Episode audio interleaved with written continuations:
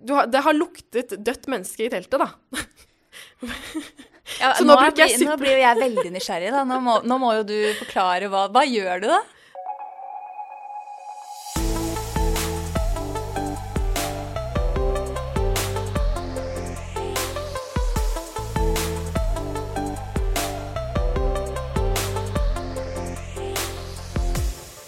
Hei og velkommen til tredje episode av Fjellsportpodden.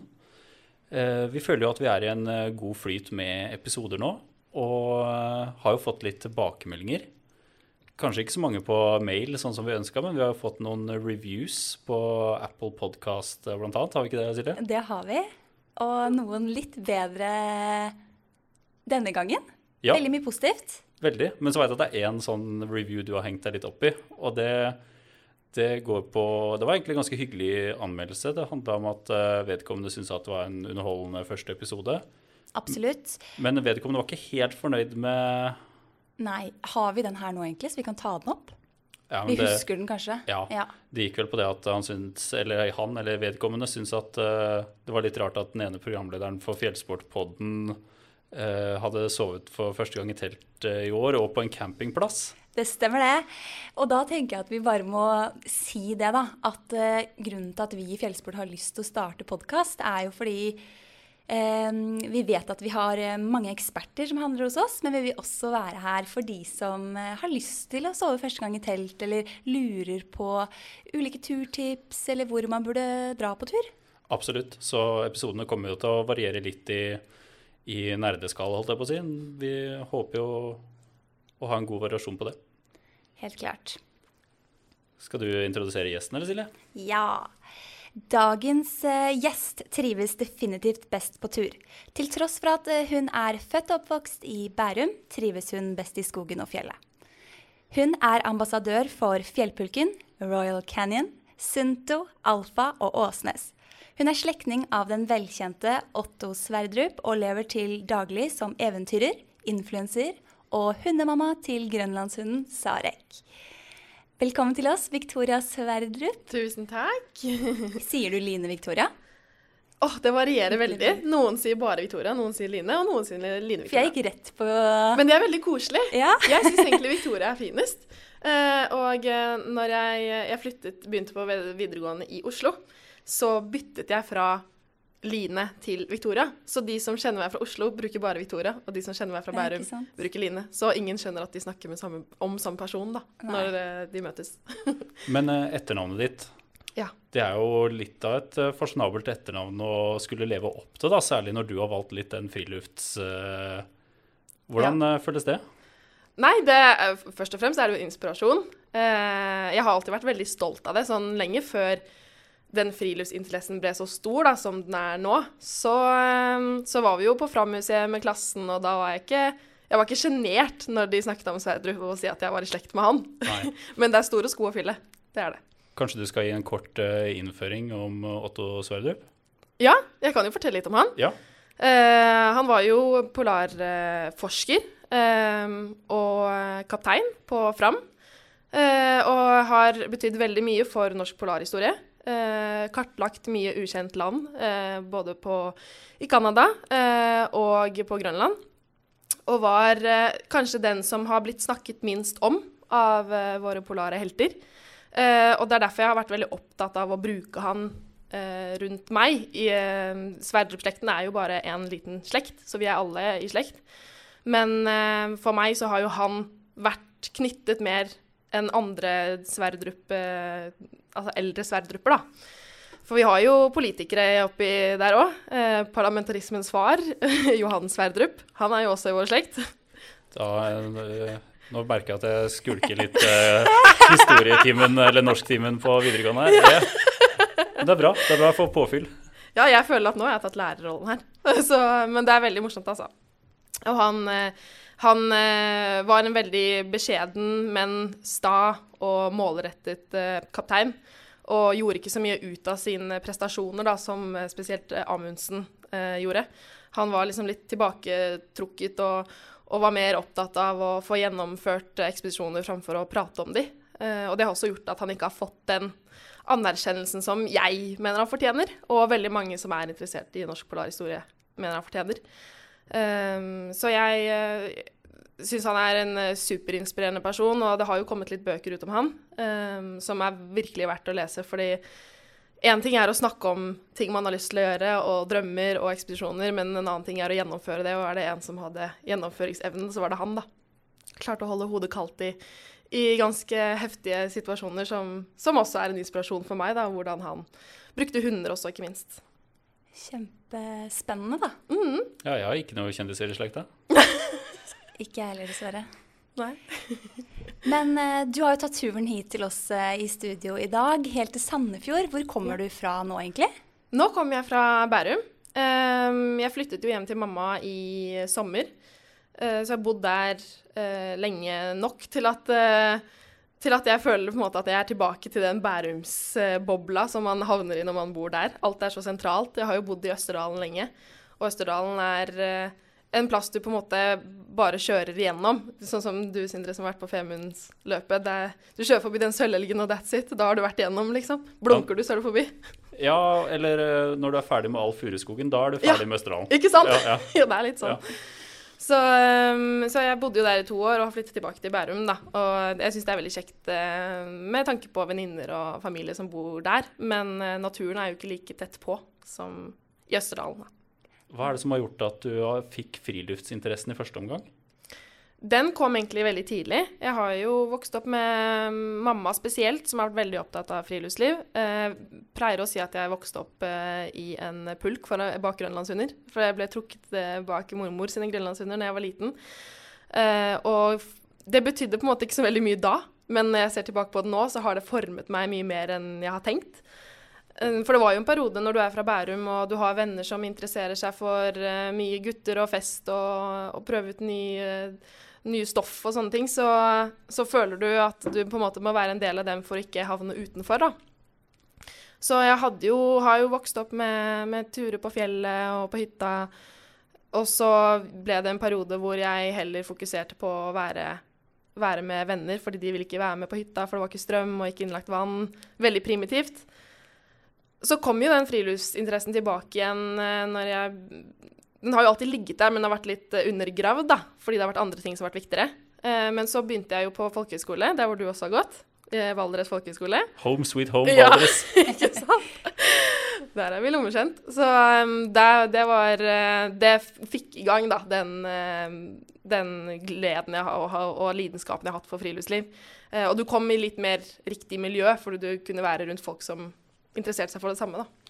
Det der kjenner jeg meg så utrolig igjen i. Mm. Eh, jeg har også blitt eh, dratt med på hytta i ganske tidlig alder og, og prega med lange dagsturer og, og, hele den pakka. Men eh, da jeg fikk det året på folkehøyskole, så vekka det veldig mye i meg også. Og særlig det å få vært så mye på tur. Og mm. liksom få mye erfaring og se gleden i det, da.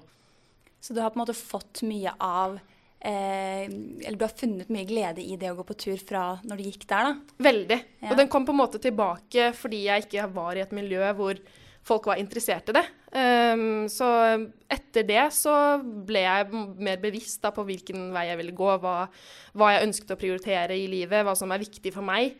Uh, og at ikke de vennene som du er så opptatt av å passe inn i på den tiden, kanskje ikke er så viktig likevel, da. Men for du jobber jo litt som Eller litt, du er jo type influenser. Mm. Og deler jo ekstremt mye av eh, de turene du er på, både bilder og video og om livet, da. Og jeg tenker jo også som det du sier, at du er jo Det er jo en vei, en retning å gå, noe du har pekt deg ut selv. Hva Altså, hvordan opplever du den bransjen som du står i? Åh, veldig Veldig greit spørsmål ja, der. Det er et veldig spennende spørsmål, for jeg har jo snakket mye om det og interesserer meg veldig for det, men det er vanskelig å på en måte kategorisere det, eller liksom sette det Sette brikkene på plass i forhold til når man skal forklare hvordan det er. Men det er jo et det er klart at det har vært et veldig mannsdominert miljø. Eh, både når jeg begynte med friluftsliv sånn aktiv, som jeg har gjort de siste tre-fire årene, men også med tanke på jakt, som jeg ble interessert i veldig fort etter at jeg flyttet opp til Østerdalen. Det er jo et veldig stort miljø for jakt der. Så det har vært rart fordi du på en måte har blitt eh, undervurdert mye, da. Eh, både av eh, venner, men også kanskje folk som er i miljøet. Nå kommer det et nytt innskudd, hun gjør det bra, hva er det her for noe? Hvem er denne jenta her? Og så har det også vært litt eh, litt rare reaksjoner med tanke på hvordan jeg ser ut, hvor jeg er fra, at eh, Herregud, bruker hun maskara på tur? Hvem er dette her, liksom? Så det har vært eh, litt sånn forskjellige reaksjoner, men veldig mange av de som følger meg, som jeg får tilbakemelding fra, er jo eh, unge jenter som verdsetter akkurat det, da. At man trenger ikke å se ut som Lars Monsen for å gjøre det bra på tur. Du kan være sterk, men gå med maskara. Du kan vinne Femundløpet, du kan vinne Iditarod med sminke.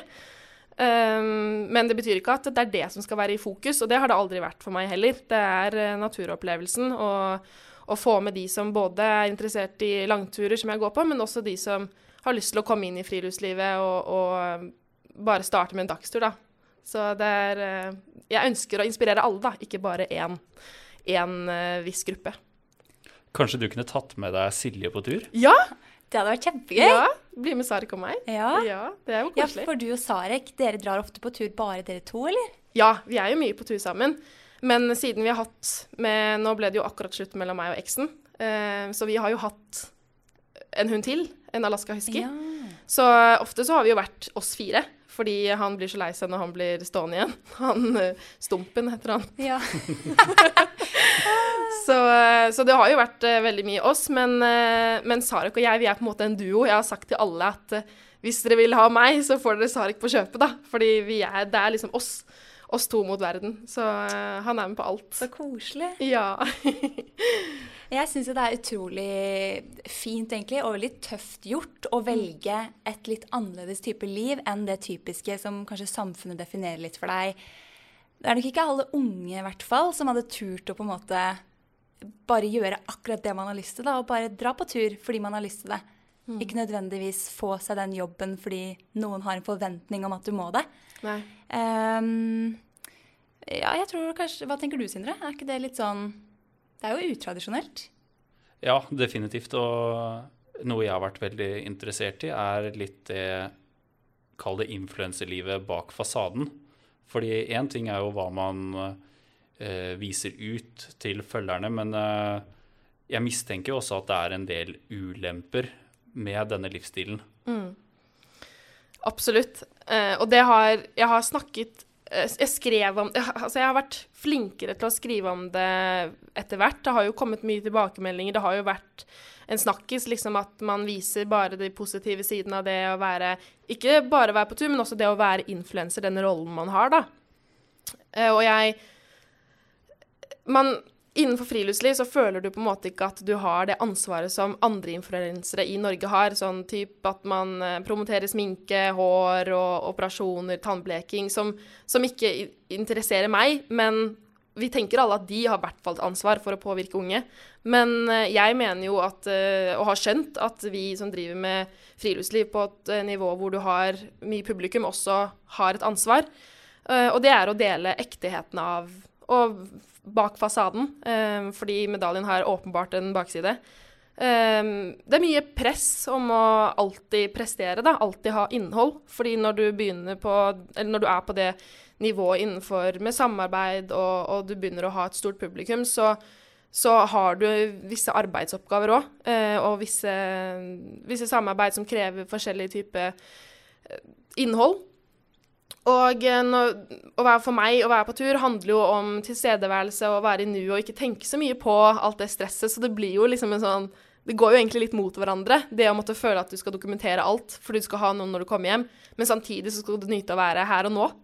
Eh, Så det har vært vanskelig, og jeg startet jo et prosjekt i 2018 da jeg flyttet opp til Østerdalen for å ha noe å drive med der, som gikk ut på at jeg skulle være på tur i et år eh, i tolv nasjonalparker for å vise hvor viktige nasjonalparker er for oss, og hvorfor vi verner, om så mye natur. Og da ble det jo mye dokumentasjon og mye planlegging og mange avtaler som skulle holdes med tanke på sponsorer. Og det var Jeg merket på et tidspunkt at det ble litt for mye. At fokuset ble kun på åh, jeg må huske å få med det, jeg må huske å ha det bildet der, for det har jeg avtalt at de skal få, jeg, har en frist, jeg må gjøre det. Og så blir du liksom bare tatt av den bølgen med opp, arbeid, arbeidsoppgaver som du skal gjøre når du er på tur, da. Eh, så det blir jo veldig motsigende. Så det veldig, har vært veldig slitsomt. Og da gikk jeg jo på en smell og fant ut at nei, dette prosjektet her ble, ble mer jobb enn en fritid og hobby, da, som er en lidenskap. Ja, for det, det, kan jeg se litt for meg. Det har jeg egentlig lurt litt på. Det der med å blidgjøre sponsorene fremfor det å da tar det, det, det bort turgleden. Ja, det må ta mm. bort turgleden, akkurat. Mm. Og det er eh, heldigvis så har jeg eh, sponsorer som er veldig forståelsesfulle, som er mer opptatt av ektighet framfor masseproduksjon, da. Eh, og det syns jeg er veldig viktig. Fordi Og jeg har jo også valgt å si opp litt avtaler og takke nei, nettopp fordi det er viktig for meg at de tingene jeg bruker, er ting jeg faktisk hadde brukt. For det er det litt problemet at mange tar jo på seg en jakke som kanskje er lagd for harde ekspedisjoner, og så går de eh, fem kilometer ut i Nordmarka på en eh, mild vinterdag og tar bilder som om det skulle vært eh, kjempekaldt, og så blir det jo ikke ekte. Fordi man, man, vet jo hva dette her er til. Folk som følger med, kan mer enn man tror. Uh, så det er veldig viktig for meg at det som jeg bruker, og det som jeg får sponset, er ting jeg kan stå inne for, og som blir brukt naturlig i de settingene og det friluftslivet jeg, jeg driver med. Jeg trenger ikke en ekspedisjonsparkas i det hele tatt, fordi jeg er ikke på de turene. Enda. jeg leste jo i boka til jeg tror det var Børge Ausland en gang, hvor hans eh, topptips var det å ta bilder og film når det absolutt ikke frister. Det er så sant, det. Jeg har gjort det på tur med noen kamerater innimellom, og det blir, det blir kjempegøy. Det er helt sant. Det... Og jeg merker jo det, Augustus, min eks, som, som, startet med å Egentlig, han startet jo ikke min Instagram-konto, men han, han, fikk jo i gang alt innhold, for han er naturfotograf og uh, lagd mye film. Uh, han var jo opptatt av å filme meg på de tidspunktene hvor ting gikk dårlig. Hvor det var dårlig fiske, hvor det var dårlig vær. og og jeg var sliten, mye mygg i Finnmark, og man gråter litt og er sint, og du vil helst ikke ha et kamera opp i trynet. Men det er jo det som er gøy å se tilbake på nå. Jeg ler jo når jeg ser det og tenker 'herregud, så gøy, så bra historie'. Og det hadde ikke blitt det samme uten.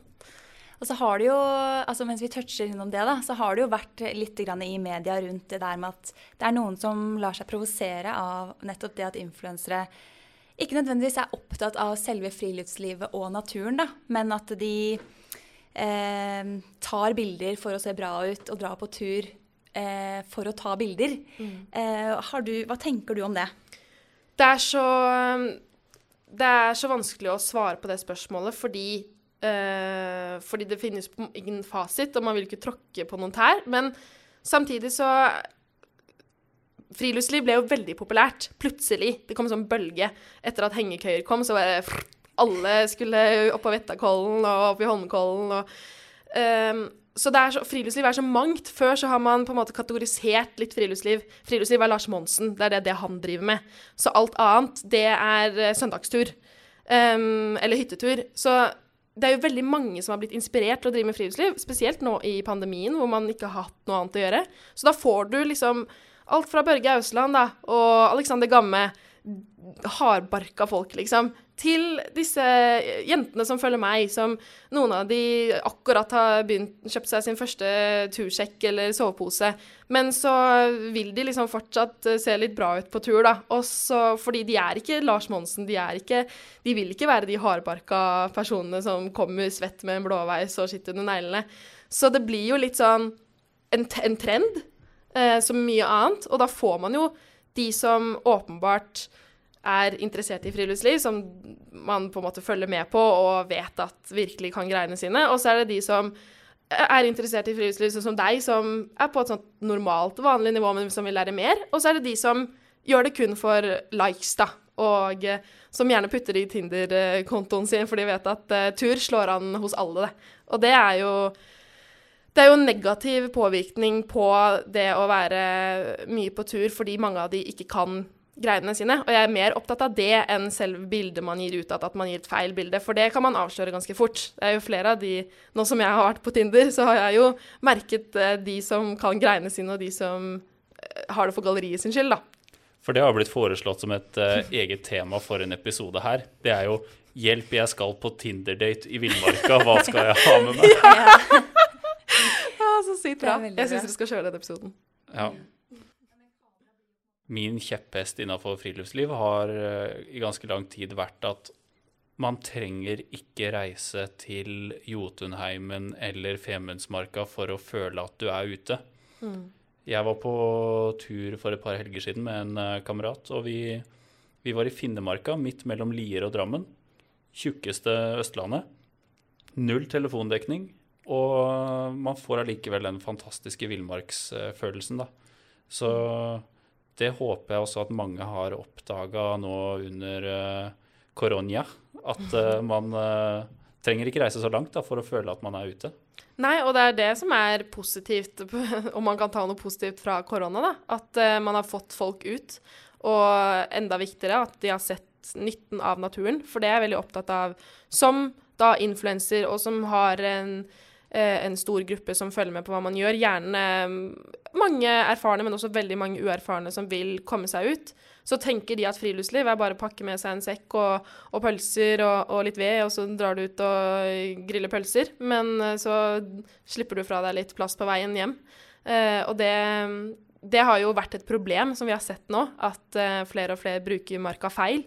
Og det er veldig trist, for vi ønsker jo at flere skal ut for å forstå hvor viktig, viktig naturen er for, eh, for Norge, da, og hvor lite villmark vi faktisk har igjen.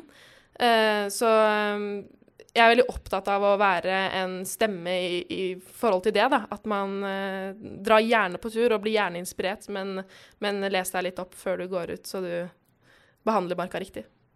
Ja, for jeg husker jeg var på kanotur i Femundsmarka i kanskje sånn 2015. Og møtte to lokale typer som var ute på tur. Og de sa jo det at eh, særlig etter at Lars Monsen lagde den der kano, kanotur gjennom Femundsmarka-episoden, så var det en massiv tilstrømming av eh, folk, og mange var kanskje uerfarne, og at eh, det hadde stor eh, negativ effekt med tanke på forsøpling og sånn. Der har jo kanskje dere en rolle, da. Absolutt. Og jeg For meg så er det jo vanskelig å kartlegge alle følgerne, men jeg prøver å ha en sunn blanding av naturvett, som jeg kaller det, eh, og putte det inn på en Det er jo derfor jeg er opptatt av å ha bilder og video, for å liksom formidle se så vakkert det her er. Men det må ta vare på, da. Eh, Du må ta hensyn. Du må eh, sette deg inn i regler. Det er ikke bare fri ferdsel, som vi faktisk har. Eh, men for at det skal kunne være det, så må man eh, ta hensyn. Eh, så jeg pleier å, å dele mine kampsaker, som bl.a. er naturvern, da, innimellom. Sånn at ikke alle blir helt sånn 'Å, herregud, nå er det bare kampanje her', holdt jeg på å si. Eller bare liksom informasjon. Men at det skal være en god dose lidenskap og inspirasjon, og kun den turgleden. Men også at det er viktige ting underveis som man må ta hensyn til. Er det noen ganger du tenker at du angrer skikkelig på at du lever det livet du gjør? Ja, men det kommer mest det, det varierer veldig litt hvor, hvor jeg er i livet, på en måte. Er, noen ganger så er jeg superinspirert og har bare lyst til å dra på tur hele tiden. Og, og eh, trives med det, men det er den sosiale medier-biten som gjør at jeg angrer. Jeg har jo hatt en liten pause nå, bare fordi jeg kjente at øh, nå har jeg Instagram oppi halsen, liksom. For du føler at du har en du har, Jeg har jo skapt meg en rolle, da. Eh, og det er jo kun på min egen skyld. Men, og jeg, som jeg trives i. Men det er så mye krav, det er så mange som skal ha svar. ikke sant? Jeg er bare en liten jente, jeg, eller altså en person, men jeg driver jo på en måte en business. Hvor jeg får inn spørsmål daglig om alt mulig rart. Og jeg elsker å hjelpe, men følelsen av å ikke strekke til, da. Du kan ikke følge opp alle som har ikke bare ett spørsmål, men de har mange spørsmål, og de har oppfølgingsspørsmål. Så, så kan det bli mye. Og, og, jeg hater jo å åpne meldinger og lese og tenke å, her er det mye jeg må svare på. Jeg kan ikke ta dette her nå, og så legge det fra meg, og så glemmer jeg det. Og så føler de seg sett, men ikke svart. Uh, og akkurat den biten der hvor du har en rolle i å, å, følge opp de som interesserer seg for det du gjør, da. For jeg må jo takke dem for alle mulighetene jeg har fått, alle de som følger meg, og de som, de som bidrar til at hjulet går rundt. Uh, men samtidig så, så, skal du leve et vanlig liv samtidig ved siden av. Jeg har jo Man tror jo at jeg bare er på tur, og det er det eneste jeg gjør, men jeg har jo ting på siden. Og det er jeg opptatt av å skrive om, da. Jeg er opptatt av å skrive om at eh, noen ganger så er ikke livet så lett, og noen ganger så er den veien jeg har valgt, drittøff. Eh, og det har jeg vært veldig åpen om, nettopp for at det skal være lettere forståelse for at det er ikke alltid at jeg svarer, og det er ikke alltid at jeg er på tur eller poster så mye som jeg gjør i én periode, da. Hva er det følgerne lurer på? Uh, mye spørsmål om produkter, hva jeg bruker, uh, hva jeg kan anbefale. Også turområder, for jeg har jo reist en del rundt. Eh, fiske, jakt. Og så er det jo også mye om meg som person. De spør jo mye om Sarek, de som vurderer å kjøpe seg turhund. Om grønlandshund, hvordan det er den som raser. Og da er det ganske mye å skrive. Så da kan jeg sitte en time eller to, liksom, og, for å virkelig lære dem opp, da. Eh, jeg er veldig opptatt av å følge opp, så det blir liksom ikke bare et kort svar at ja, det er en fin tur hun kjør. For det er jo en krevende rase. Men, eh, men så har jo også Nå, etter at jeg ble singel, så har det vært mye rart, altså. Så det er en god blanding. Ja, jeg syns det virker litt sånn krevende. Når Ja. du får beskrive det sånn som nå, for det turlivet skal egentlig være litt sånn enkelt liv. Ja. Og det tror jeg eh, Det er nok litt oss Instagram-jenter som styrer med de greiene der. Jeg tror gutta har et litt mer eh, nyansert forhold til det, uten at jeg skal si det helt eh, slå det i stein, liksom. Men jeg føler at vi jentene er litt mer opptatt av å liksom holde fasaden, dele ofte, følge opp det man gjør, være, være liksom på topp hele tiden, da. Og det kan jo komme fra jenter generelt, at de føler at de ikke er bra nok, og at man alltid må prestere. Og kanskje i den bransjen da, hvor man vil liksom vise at man kan, når det er mye gutter og mye dømming og øh, litt sånn Du føler deg litt undervurdert, da. Eh, men så trives jeg jo veldig godt i det. Det er jo ikke sånn at jeg hadde gjort det hvis ikke.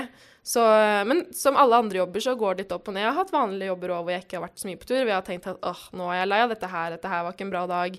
I dag kunne jeg tenkt meg å si at jeg var syk, liksom. Men så fortsetter du, da, fordi det gir deg noe. Opplever du i den tida hvor eh, du har eh, drevet med friluftsliv, at eh, turutstyr og klær til jenter har eh, blitt bedre? At utvalget kanskje har blitt bedre? Fordi jeg vet at det har vært et uh, uttrykk innenfor sportsbransjen som heter 'shrink it and pink it'. Altså at man tar, at man tar herre- eller unisex-produktet og gjør det litt mindre og farger det rosa. Altså vips, så er det et jenteprodukt. Har du Ja. noen tanker rundt det? Jeg syns at det var vanskelig å kjøpe Jeg husker min første turbukse. Da måtte jeg kjøpe en som var Den var fra Lundhags. Det var sånn superstretch, fordi rumpa ikke fikk plass i noen ting annet. Uh, mens i livet så måtte jeg liksom lage flere hull på, uh, på beltet for at den skulle, ikke skulle falle ned, da, eller liksom henge løst rundt magen. Men der føler jeg det har utviklet seg veldig. Eh, samtidig så føler jeg at vi har en vei å gå. Jeg velger jo veldig ofte unisex fordi jeg hater innsving, blant annet. Og det er sånn jeg ikke skjønner hvorfor er på kvinnebekledning eh, til tur, da. Eh, mange syns det er fint og vil være litt feminine og, og, og bruker det også til hverdags hvor det kan være pent. Men jeg som bruker mest turklær eh, på tur, da, eh, og generelt så er jeg ikke så glad i innsving, så syns jeg at det blir uh, ubehagelig å ha på. Jeg liker at klærne er litt løse, så for meg er det naturlig å velge unisex. Og da sier det litt om allerede hvor mye vi har å gå, da. Uh, når man fortsatt nå må velge unisex-klær hvis du ikke vil ha den feminine looken. Og det er jo litt det samme med rosa og, og fargevalg. Men der føler jeg at uh, bransjen har vært flinkere til å, til å nyansere det litt. At ikke alle jenter med en gang det er jenteklær, så skal de gå i rosa. Men jeg vet at det er mange som fortsatt er mer inne i jaktmiljøet som jeg er, enn jeg er, som er misfornøyd med at det er mye rosa. Det er liksom kammo, og så skal du ha rosa glidelås. Det er sånn, Du trenger ikke den rosa glidelåsen. men så er det akkurat samme til herre, men da er det uten rosa. Så, um, så den, liksom, den føler jeg henger litt etter.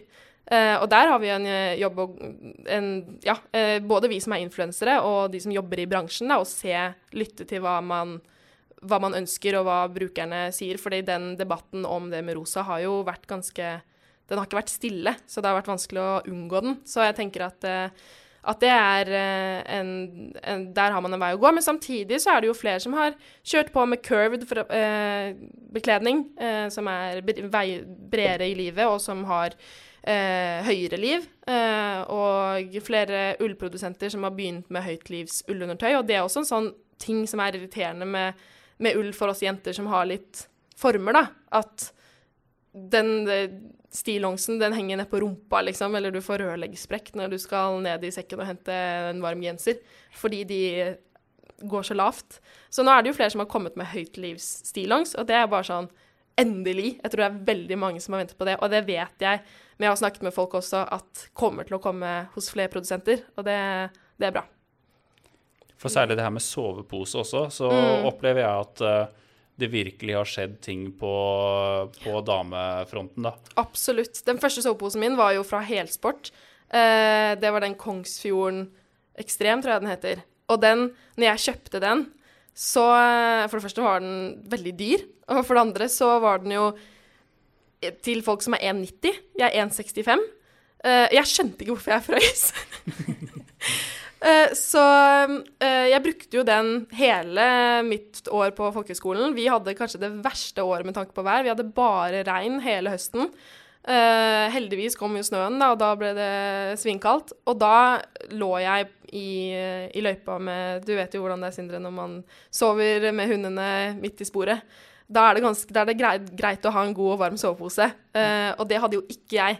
Så Nei, for du hadde litt for mye å varme opp. Ja, det er vel det veldig du mener mye at den opp. frøys? Ja. Ja, ja. den var altfor stor, altfor lang, altfor mye plass. Eh, og selv om det er to soveposer så, som liksom skal hjelpe deg, så hjelper du ikke når du har såpass mye luft som du må varme opp. da. Og det merket jeg jo når det kom eh, lady-serier, at eh, hjalp veldig. Eh, og etter det så har jeg ikke frøset noen ting. Og det er jo ting som folk, folk fortsatt ikke har fått med seg, da. Eh, snakker med flere jenter som spør hvilken sovepose er det du bruker, eh, hvor jeg viser dem disse lady-seriene som har kommet fra forskjellige produsenter, og de bare 'Å ja! Ja, for det er så frustrerende når man er en kort person og eh, har former og har plasser som man fryser mer på enn menn. Eh, at det ikke har funnet, vært noe på markedet, men som har kommet nå, som kanskje ikke folk har fått med seg. Så det er jo fortsatt ganske nytt, men det går i hvert fall i riktig retning, da. Det der er faktisk ikke så lett, for det er, eh, det er litt vanskelig å vite hvis du ikke har hatt en sovepose før. Hva Nei. skal du velge? Ja. Hvilket merke har en damesovepose? Det er ikke naturlig for alle å vite, da. Så nei, men det er utrolig kult at du, at du nevner eh, noen av de fargene på klær og sånn. For det er ikke, det er ikke nødvendigvis sånn at vi jenter vil ha rosa eller lilla ting. Nei, jeg har kjøpt veldig mye herreklær nettopp fordi jeg ikke vil ha, ha rosa, og fordi jeg liker det litt nøytrale. Men, eh, men, og det samme med, med sponsor og sånn, så har jeg sagt send meg herregenseren, for jeg vil ikke ha de fargene som er til dame, liksom. Nei, Ofte så vil vi jo liksom ha litt mer sånn grønt og brunt og sort og Ja. ikke Ja, det som er til guttene, da. Ikke sant? Så nei, kjenn meg igjen i det. ja, for jeg sliter med å finne ting som er rosa som passer meg som er 1,90. Det var det jeg Så der har også produsentene en eh, liten eh, bit å gjøre. Ikke sant? Må ikke generalisere så fælt. Men eh, har du noen gang på tur følt at du har tatt en skikkelig sånn flau avgjørelse? Eller har du noen sånn flaue turhistorier eh, til lytterne? Jeg er jo ikke noe uh, proff sånn sett, uh, og det er jo mange som ikke er det. Man må liksom feile litt, da. Uh, og det er flere ganger jeg, ikke bare med tanke på, med tanke på friluftsliv generelt, men også all den hygiene, den biten, som man må ta litt mer hensyn til når man er jente med mensen og slikt. Og der har jeg også gjort mye rart da, for å, for å feile og prøve. Og det er det jeg får mye spørsmål om òg. Hva gjør du når du har mensen på tur? Uh, som ingen har lyst til å snakke om, men som er like naturlig som å skifte sokker for oss jenter, da. Uh, så der har det ligget du har, Det har luktet dødt menneske i teltet, da. Ja, Så nå, nå blir, nå blir jo jeg veldig nysgjerrig. da. Nå må, nå må jo du forklare hva Hva gjør du, da? Nei, nå har jeg lært, men ehm, eh, det startet jo med at eh, jeg ikke visste hvor man skulle gjøre av tampongen når man var på tur. Eh, og valgte å bare legge den litt sånn innrullet i den lommen inne på teltet som du gjerne legger hodelykten eller telefonen eller en bok. uh, der la jeg den, da. Eh, og flytta ikke den på den turen. Så det var en ganske det var, Vi var vel på tur i eh, ja, i hvert fall over en, eh, over en god uke, da. Eh, og når den ligger der, så begynner det å lukte. Jeg skjønte ikke hva det var som luktet så sykt ille. Jeg sa det luktet dødt menneske her, og lukta på meg selv og lukta på tærne, og hva er det for noe? Eh, så fant jeg jo den tampongen, da, for jeg har jo hatt linser. Jeg jo bruker jo linser, og det er noe du må, må passe på holder seg i nærheten når du er på tur og, og har såpass dårlig syn. Eh, Så fant jeg ut da, etter litt eh, research at eh, å bruke ziplock-pose er veldig fint. Eh, fordi eh, å brenne mye av papiret sånt når jeg er på tur, brenner jeg jo opp. Men eh, en tampong tar ganske lang tid å brenne, og jeg tør ikke Man vet liksom ikke helt hva disse hva den bomullen og hva som er i tampongen, så jeg har vært litt redd for å brenne det. Og derfor så har jeg puttet det i ziplock-pose, og da er det bare kjappe deg, putte den oppi, og så lukker du igjen. Og så går det fint. Smart. Ja. Veldig smart. Så det er jo egentlig ikke så vanskelig, men det er bare det at du må, du må kjenne noen som kan det, eller som kan videreformidle informasjonen, da. Så det er et triks. Mm. Da har vi plutselig blitt sånn uh, folkeopplysning, vi. Ja, For uh, jentehelse på tur. ikke sant? Men det er jo noe med det å ha erfart det. Der har du vært Ja. ute, du har gjort det, du har prøvd det, og så har du lært hva man skal gjøre til neste gang. Ikke sant? Så Og det snakkes jo ikke så Litt det med tanke på det mann, mannlige miljøet i friluftsliv. Du snakk, det er ikke så mange som har snakket om det. Om mensen, og hva man gjør, og liksom den biten der, og tissing og Det er jo, det er jo generelt hardere å være jente. Så, og at man har informasjon som er litt lett tilgjengelig, da, det når, man, når det kommer til å være jente på tur, det syns jeg bare er bra, og får flere ut også. For jeg tror det er mange som kvier seg nettopp pga. den biten der. At man liksom ikke helt vet hvordan man gjør det med hygiene. Uh, og den biten med å snakke om det følte jeg kom litt sånn i 2017. Når jeg begynte mye med formidling, så var det liksom Da kom Menskopp, og så var det jevnlige innlegg da fra forskjellige friluftsprofiler i Norge, kvinnelige, som, som begynte å skrive mer om det. Så det er ganske seint i forhold til hvor lenge vi kvinner har drevet med friluftsliv, egentlig. Men eh, bedre sent enn aldri. Ja, og jeg, apropos det der å ikke vite helt hvordan man gjør ting. Mm. eh, Jeg får eventuelt klippe ut den historien her, men dere skal få høre den, da. Og det var eh, Jeg var også på den nevnte Alaska-turen som du var på, bare et annet år, da. Mm. Og eh, var, var ikke helt komfortabelt med det her å gå sånn skikkelig på do på tur. Og gikk da for strategien med å holde meg. Åh, Ja, ikke sant? Og eh, det er ganske, visstnok ganske mange negative effekter med det å holde seg. Det, det ene er jo selvfølgelig smerten, da, men eh, det andre er jo det med at du, du fryser veldig mye lettere når du velger å ikke gjøre det. Så jeg tror det var på eh, Jeg tror det var på dag fire eller dag fem, da, eh, hvor jeg merka at nå er det ikke mulig lenger. Og jeg sto på denne hunde, eh, Vi kjørte hundespann, og jeg sto på sleden og tenkte at shit, nå har jeg ikke kontroll lenger. Her må det gjøres noe. Så jeg gasser på litt for å skape en god luke til vedkommende som eh, kjørte bak meg. Og stoppa hundene på sporet og satte ned anker, da, sånn at de ikke skal forsvinne unna meg. Og så hoppa jeg ut av sporet og glemte jo et øyeblikk at det her er Alaska. Det er to meter dyp snø. Og satt jo, det sto jo plutselig med det her til livet. ikke sant? Det var jo bare å drite i. Bokstavelig talt. Det gikk jo ikke. Det gikk ikke. Jeg hadde, jeg hadde snø til brystet, ikke sant. Ja, du får vondt, Silje. Ja, jeg får litt vondt. Ja, vi får eventuelt redigere det bort. Men eh, så, kom jeg, så hopper jeg på sleden igjen og skaffer meg enda større luke. Og kommer fram til et sted der hvor jeg ser at det vokser opp et sånt bitte lite sånn furutre bak eh, noen andre trær. Og der så jeg at det var lite snø. Så jeg jumper ut dit og eh, trekker ned Gore-Tex-buksa og gjør det som jeg burde ha gjort for eh, kanskje fire-fem dager siden.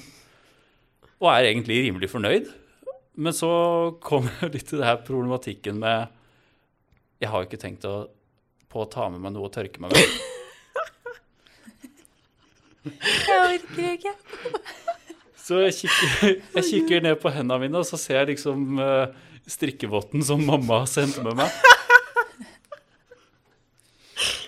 Og tenker at den, den må ofres. så ja, så det ble, det ble med den eh, strikkevotten, og så var det Så var det og Gikk jækla fornøyd tilbake da, til denne hundesleden og, og var veldig fornøyd med jobben jeg gjorde, og lærte dermed Sånn gjør man det. Og det må gjøres. ja. Bedre med en skitten votten, enn eh, en litt forstoppelse. Du vet hva, den ble, den ble etterlatt. Det ble etterlatt, Ja, ja. den ble etterlatt på, på Du tok den ikke med tilbake? Nei, den ble Nei, for det hadde jo vært litt rart hvis han skulle tatt med seg den, egentlig. Du bare bare ringe den.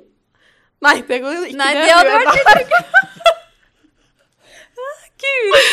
Her kommer hun fram, hun som eh, Ja. Ja. Nei, det er ikke så ille. Nei, men det er veldig bra. Mm, flotters. Ja, Ja. så eh, takk for at dere hørte på. Jo, Ja, det var veld... Takk for at du delte. det var Setter fin veldig pris deling, på. Sindre. Tar det som en tillitserklæring. Ja, Vi får se om det klippes bort. Jeg syns ikke det. ah, gøy. Hva er ditt beste råd da, til de som eh, ønsker å leve din livsstil? Å være friluftsinfluenser og kanskje forsake litt det her med fast jobb og trygge rammer i hverdagen? Eh, Det viktigste som jeg har lært underveis, er jo å være seg selv. Ikke prøve å være noen andre. Ikke prøve å måtte bevise noe. Ikke lage deg en rolle utad som du på en måte ikke kan stå for selv, da. Eh, For det skaper veldig mye forventninger til deg som man kanskje ikke kan leve opp til, og som er ødeleggende. Jeg merket jo veldig det når jeg startet det prosjektet, at, eh, at jeg kanskje hadde tatt meg litt vann over hodet. Det nasjonalparkprosjektet. Eh, Plutselig så var det veldig hauset opp, og, og medier skulle vite om det, og det ble liksom en stor greie som jeg ikke hadde reflektert over at kom til å bli så stort. Um, så å være seg selv er nummer én. Uh, ikke få det til å virke bedre eller dårligere enn det du er. Uh, og så må man vite at det er superuforutsigbart. Det er uh, kjempetøft. Og man, det er ikke nødvendigvis at man lykkes, for nå er det så veldig mange som har lyst til å gjøre det samme. Flere og flere vil ut. Flere og flere er lei av A4, har funnet ut at det kanskje ikke er det som gjør dem glad, da, å bo, bo hjemme. Og jeg snakker jo med flere som, eh, som har planlagt å, å si opp jobben og selge leiligheten og bare leve i bilen og bare være på tur. Og jeg har sagt at vet du hva, jeg anbefaler ikke. Hadde jeg valgt igjen, hadde jeg ikke kjørt så hardt som jeg har gjort.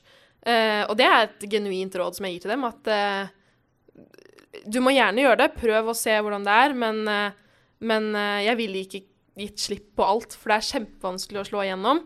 Det er mange om benet, og du må ha gjerne en unik historie. Du må skille deg ut på et vis, og hvis du ikke føler at du skiller deg ut, da, så er det fort gjort å gå inn i den, den tanken om at du må være noe mer enn det du er, og legge på litt, eller, eller gjøre noe du ikke er komfortabel med. Um, så det er ikke en livsstil som eh, jeg føler er verdt å leve i lengden, med mindre du naturligvis får, kommer inn i en god rytme. Du ser jo sånn som Tonje Blomseth har virkelig fått det til, men hun har ofret mye. Og det er krevende, og det er ikke alle som klarer det, rett og slett. Det er ikke for alle, for det er Du må ha masse selvdisiplin, du må trives kjempegodt i eget selskap. Du må trives i å alltid måtte leve i et nytt prosjekt, fordi hvis ikke så går du ut på dato, eller blir uaktuell, eller du er ikke interessant nok. Eh, og så er det den sosiale mediebiten, at det er stressende å drive og poste bilder og bli helt oppslukt av likes og følgere. Og jeg merket jo det i begynnelsen, at det var sånn Å nei, nå er det en som har sluttet å følge meg. Å nei, nå er det eh, to. Eller eh, sånne ting. Og sånn, folk kommer og går. Først så er du interessant, og så er du ikke interessant. Og det er veldig lett å la gå inn på seg, da. Så jeg har blitt medlem av en sånn gruppe på Facebook som heter Friluftsliv, eller Det Friluftsliv Club, som er kun for jenter. Som man, hvor man kan stille spørsmål om alt fra turer til bekledning, til eh, invitere med hverandre på turer om man har et prosjekt man har lyst til å ha med noen på. Eh, og blant annet er jeg også deler tips til hvordan få følgere, hvordan få likes. Og jeg kjenner jeg får det sånn opp i halsen, fordi det er så sykt lite viktig. Og det har jo Instagram lært meg, eller sosiale medier generelt, at det definerer deg ikke som person. Og det er veldig mange som går i den fella at de hvis de ikke får så mye likes på et bilde, så sletter de det. Eller hvis de mister følgere, så er det liksom OK, da er jeg ikke aktuell, det er ikke noe vits å drive med det her likevel. Jeg er kanskje ikke så bra. Eh, andre som er bedre enn meg. Så det er jo en selvtillitsknekk å være på sosiale medier hvis du ønsker å bli stor, eh, og du har forventninger til å få så og så mange likes og så og så mange følgere. Fordi det er et superstort miljø hvor alle vil det samme. Ehm, og eh, med algoritmer og sånne ting, og folk som ikke kan det om sosiale medier, da, så, så er det lett å bare tro at hvis du har postet et bilde, så er det nødvendigvis så er det dårlig. Men det kan jo like godt være at det har forsvunnet i feeden, ikke sant. Så det, det er en tøff bransje, eh, det der influenser-greiene, og da spesielt innenfor friluftsliv, som er liksom noe alle egentlig kan drive med, da. Du skal gjøre mye for å være imponerende, på en måte, og skille deg ut.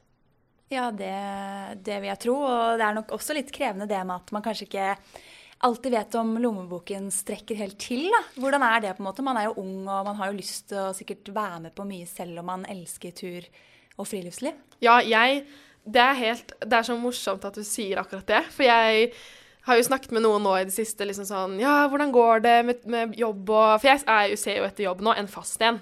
Eh, fordi jeg har jobbet frilans med, med bladet Villmarksliv og skrevet om turer når jeg har hatt det, og når jeg har hatt innhold. Uh, men så har det vært korona, så jeg har ikke fått lage så mye innhold som man kanskje ønsker, og da da har du plutselig ikke noe materiale å komme med, og foredrag som jeg skulle holde for Turistforeningen, ble avlyst rett etter korona. Så det var liksom Plutselig så gikk all inntekten bort. Eh, pluss disse prosjektene som, eh, som sto på agendaen, men som ble avlyst. Så det var, har vært veldig tøft. Eh, og å bli ansatt nå noen plass er kjempevanskelig. Så de som har jobb, burde være kjempeglad. Ikke si opp for å drive med friluftsliv nå, det er ikke tiden.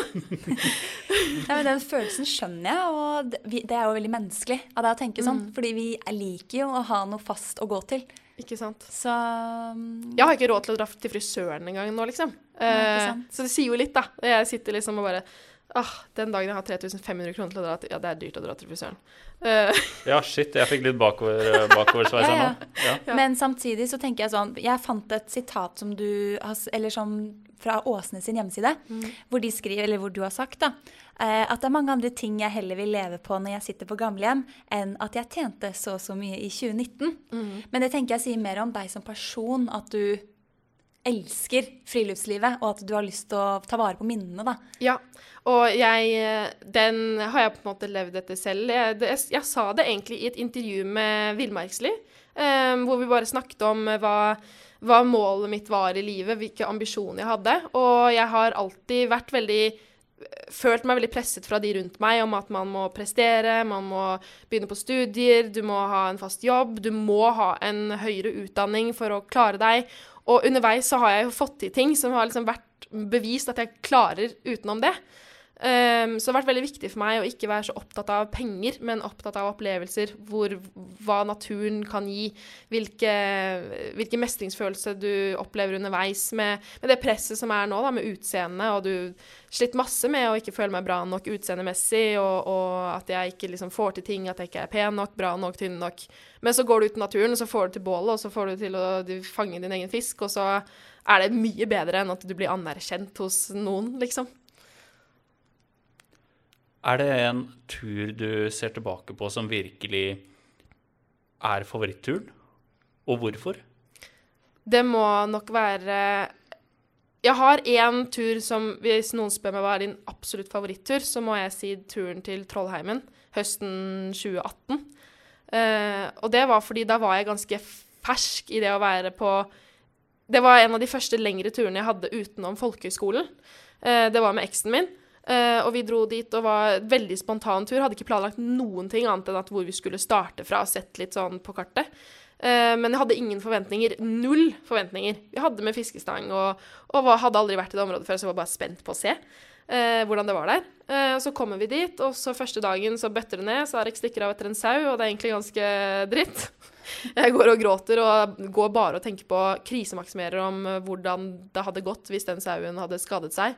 Eh, så det var egentlig en sånn skikkelig kjip start på turen. Blåste midt i høsten og var bare Jeg er ikke glad i våte løveblader. Som setter Nei. seg på klær. jeg har sånn minne fra at jeg hadde masse våte løvblader på meg, for det blåste så fælt. Så jeg hadde masse som klistret seg fast på Gore-Texen. Uh, men så sover vi en natt på en DNT-hytte, og så kommer vi oss opp i fjellet, og så er det bare storslått natur, solen skinner, og jeg får min første fjellørret. Uh, og jeg har fått masse fisk før, men det har vært i, i saltvann. Så det var min første fjellørret etter utallige kast og feilinger på tidligere turer. Og endelig så fikk jeg den. Så det var bare sånn Det toppet bare alt som skjedde, uh, den turen som var kjipt. Uh, og den turen er liksom sånn den er så bra at jeg har lyst til å dra tilbake for å gjenoppleve den, hvis du skjønner. For jeg hadde null forventninger. Det var liksom ikke noe sånn 'Nå skal vi få fisk. Nå tar vi oss bare med litt potetmos, sånn at resten av maten skal være fisk.' Og det var liksom ikke noe sånn hardbarkatur i det hele tatt. Det var kun bare for å oppleve et, ny, et nytt sted. Og så var det så flott der. og Uh, gikk, uh, hadde ikke gått med tung sekk på en stund. Så det var, det var bare mestringsfølelse for mestringsfølelse etter hverandre, da. Ehm, så den turen var veldig fin. Men så var jeg også i Finnmark i 2019 hvor det var sjukt mye mygg. Uh, og jeg hatet uh, livet litt. Og så kom vinden. Det er, så, det er, så, små ting som skal gjøre at en tur blir bra. Det, det, det skal liksom ikke så mye til. Det trenger ikke å være en fangst heller. Bare de derre at du går og hater, og det er litt tøft. Og så masse tjukt med hagl, og du får vondt, og du må gå uansett, og det er glatt på steinene, og du skal krysse en altfor stor elv og sånne ting. Og så letter bare skyene, og så bare kommer solen fram. Bare det er sånn Jeg får frysninger når jeg snakker om det, fordi bare den følelsen kan gjøre at en tur er perfekt. Og det er det man sitter igjen med etterpå. Ikke liksom Ja, det var mye mygg, det har jeg opplevd i Finnmark nå, så jeg vet hvordan det er. Men jeg synes det er ikke det jeg sitter igjen med. Jeg sitter jo igjen med den følelsen av hvor storslått natur det var, da, og alle de små tingene som skjedde underveis som gjorde turen til det den er for meg nå. Herregud, så fantastisk. Ja. Man blir jo inspirert av det her. Ja, det er jo, Alexander Gamme sa jo noe i samme duren, så det er tydelig at uh, det er sånn her eh, friluftsfolk uh, tenker. Helt til slutt så har vi jo noen tre faste spørsmål som vi pleier å stille de som kommer. Eh, og det første er egentlig litt sånn Hva er det du aldri reiser på tur uten? Ikke lov å si hunden. Nei.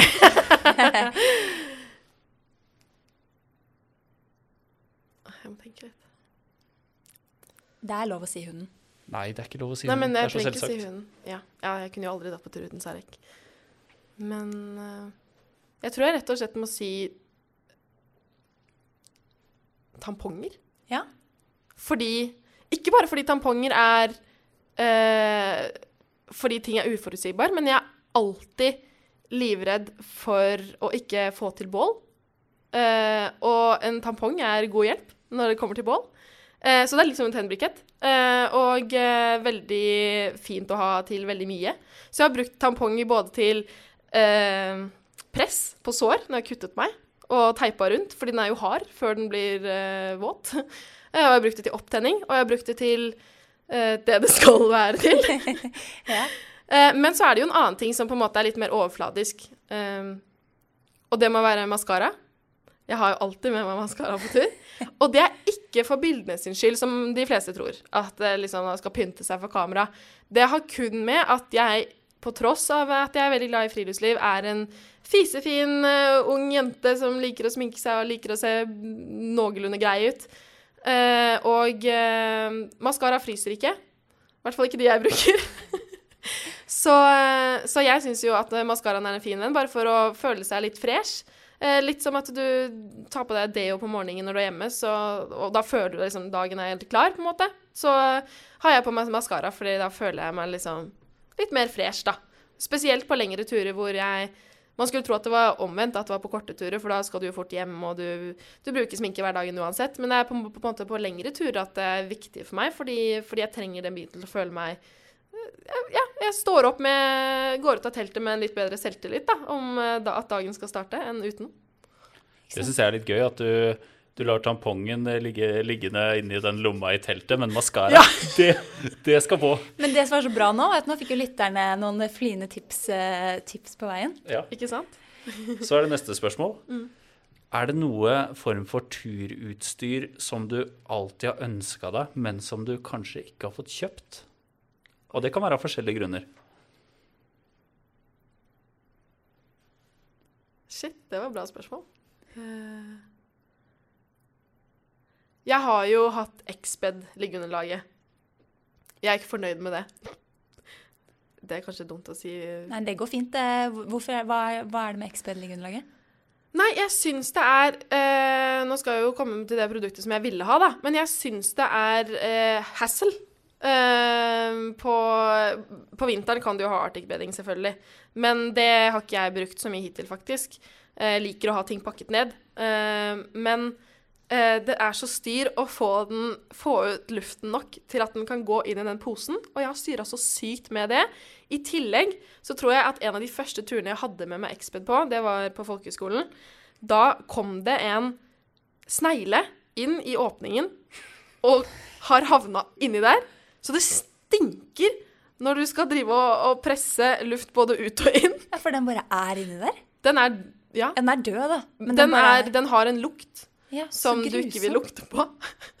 Så det Så for Altså, meg det kan så jo være litt sånn Det der kan være litt sånn Hva skal kalles det? Tvegasverd. Ja. Ja. Jeg er jo glad Expeden er superfin å ligge på, men, eh, men eh, underveis vi, har, vi er ikke så gode venner underveis.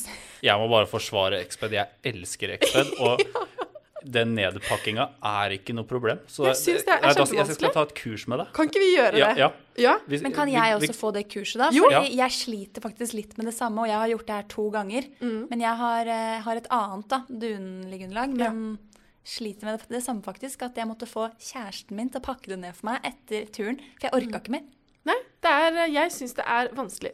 Så vi kjører kurs. Man, man bretter det sånn at du får bredden på posen. Ja, men hvordan får du ut all luften? ruller den to ganger. Ja, men jeg, jeg tror jeg måtte rulle den åtte ganger jeg, før jeg får ut all den luften. Det kan være sneglen som Jeg holder lå pusten, på og så det slipper den ut. og holdt det gående, jeg òg. ja. Men, eh, men vet du hva, det syns jeg var litt bra, ja, fordi da, da tar Sindre et kurs med, med oss eh, på de XB-liggeunderlaga. Det syns jeg er en god idé. Herlig. Ikke få sneglene der, da. Nei, det må man for all del unngå. Ja. Men det er ikke liggeunderlaget sin skyld. Nei, det er sneglene sin skyld. Jeg skal ikke ha det på min kaffe, jeg heller. Vi har jo bedt deg om å ta med en gjenstand i dag som beskriver deg som person. Hva har du tatt med til oss? Um, jeg har tatt med noe som ikke beskriver meg nødvendigvis 100 i dag, men den beskriver den historien jeg har gått igjennom, da. Min utvikling. Eh, fordi den har hatt mye betydning og satt litt standard for både det friluftslivet jeg driver med nå, men også den personen jeg er ellers. Skal jeg ta den fram? Ja, ta den fram. Så jeg er veldig spent. på.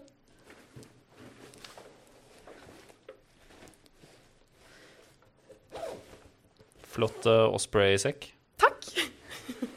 Den er veldig bra. En Louis Vuitton-bag. Wow! Oi, den var veldig fin. Ja, takk. Det er uh, det første produktet jeg kjøpte eh, når jeg fikk min første lønning. Eh, da jobbet jeg på et skisenter. Og det var eh, Hadde siktet på denne bagen kjempelenge.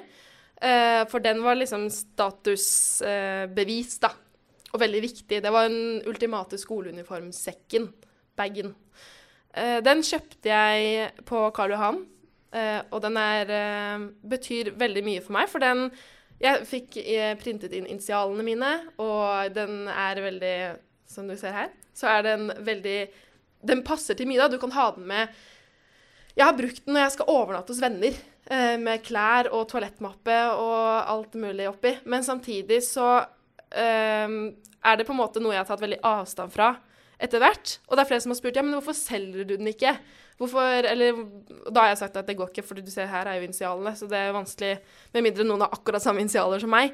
Men den er et symbol på den reisen jeg har hatt. At jeg har Jeg er fra Bærum, og jeg har liksom de gått gjennom den, hele det Bærumsmiljøet og opplevd hvordan det er, og er litt sånn underdog i Og har vært, i hvert fall, underdog i friluftslivmiljøet. Eh, Så det er et symbol på den jeg har vært, men som jeg også fort, har ikke lyst til å ta avstand fra den personen. Jeg, jeg kan være en bæringsjente, men jeg kan også være en hardbarka turjente, da. Det syns jeg er sykt kult at du sier, fordi det tror jeg absolutt man kan. Og altså, det er jo akkurat det du er. Du er jo fra Bærum, og du er jo en jente som elsker friluftslivet. Leste du at uh, nå skal de begynne å lage sånne outdoor-vesker? Nei, Med kammo og sånn, så du kan ha den på jakt? nei, er det sant? Han Nei, jeg bare ljuger. Du hører jo det på lang vei. Du trodde på meg litt, da. Ja, Ja. jeg tenkte ja, Er det mulig å stemple initialer òg? Det jeg tenkte å spørre om som neste spørsmål. Ja, Da får du ikke solgt den videre. Kanskje det er noe for businessen din, Sindre. Ja. Nei, men eh, Line Victoria, tusen takk for at du kom hit for å prate med oss i dag. Det har vært kjempehyggelig. Så håper vi at eh, flere tar seg tid til å gi oss en tilbakemelding, enten på mail eller som en eh, review på Apple Podcast. Så er det vel bare for oss å ønske god tur. God tur! God tur.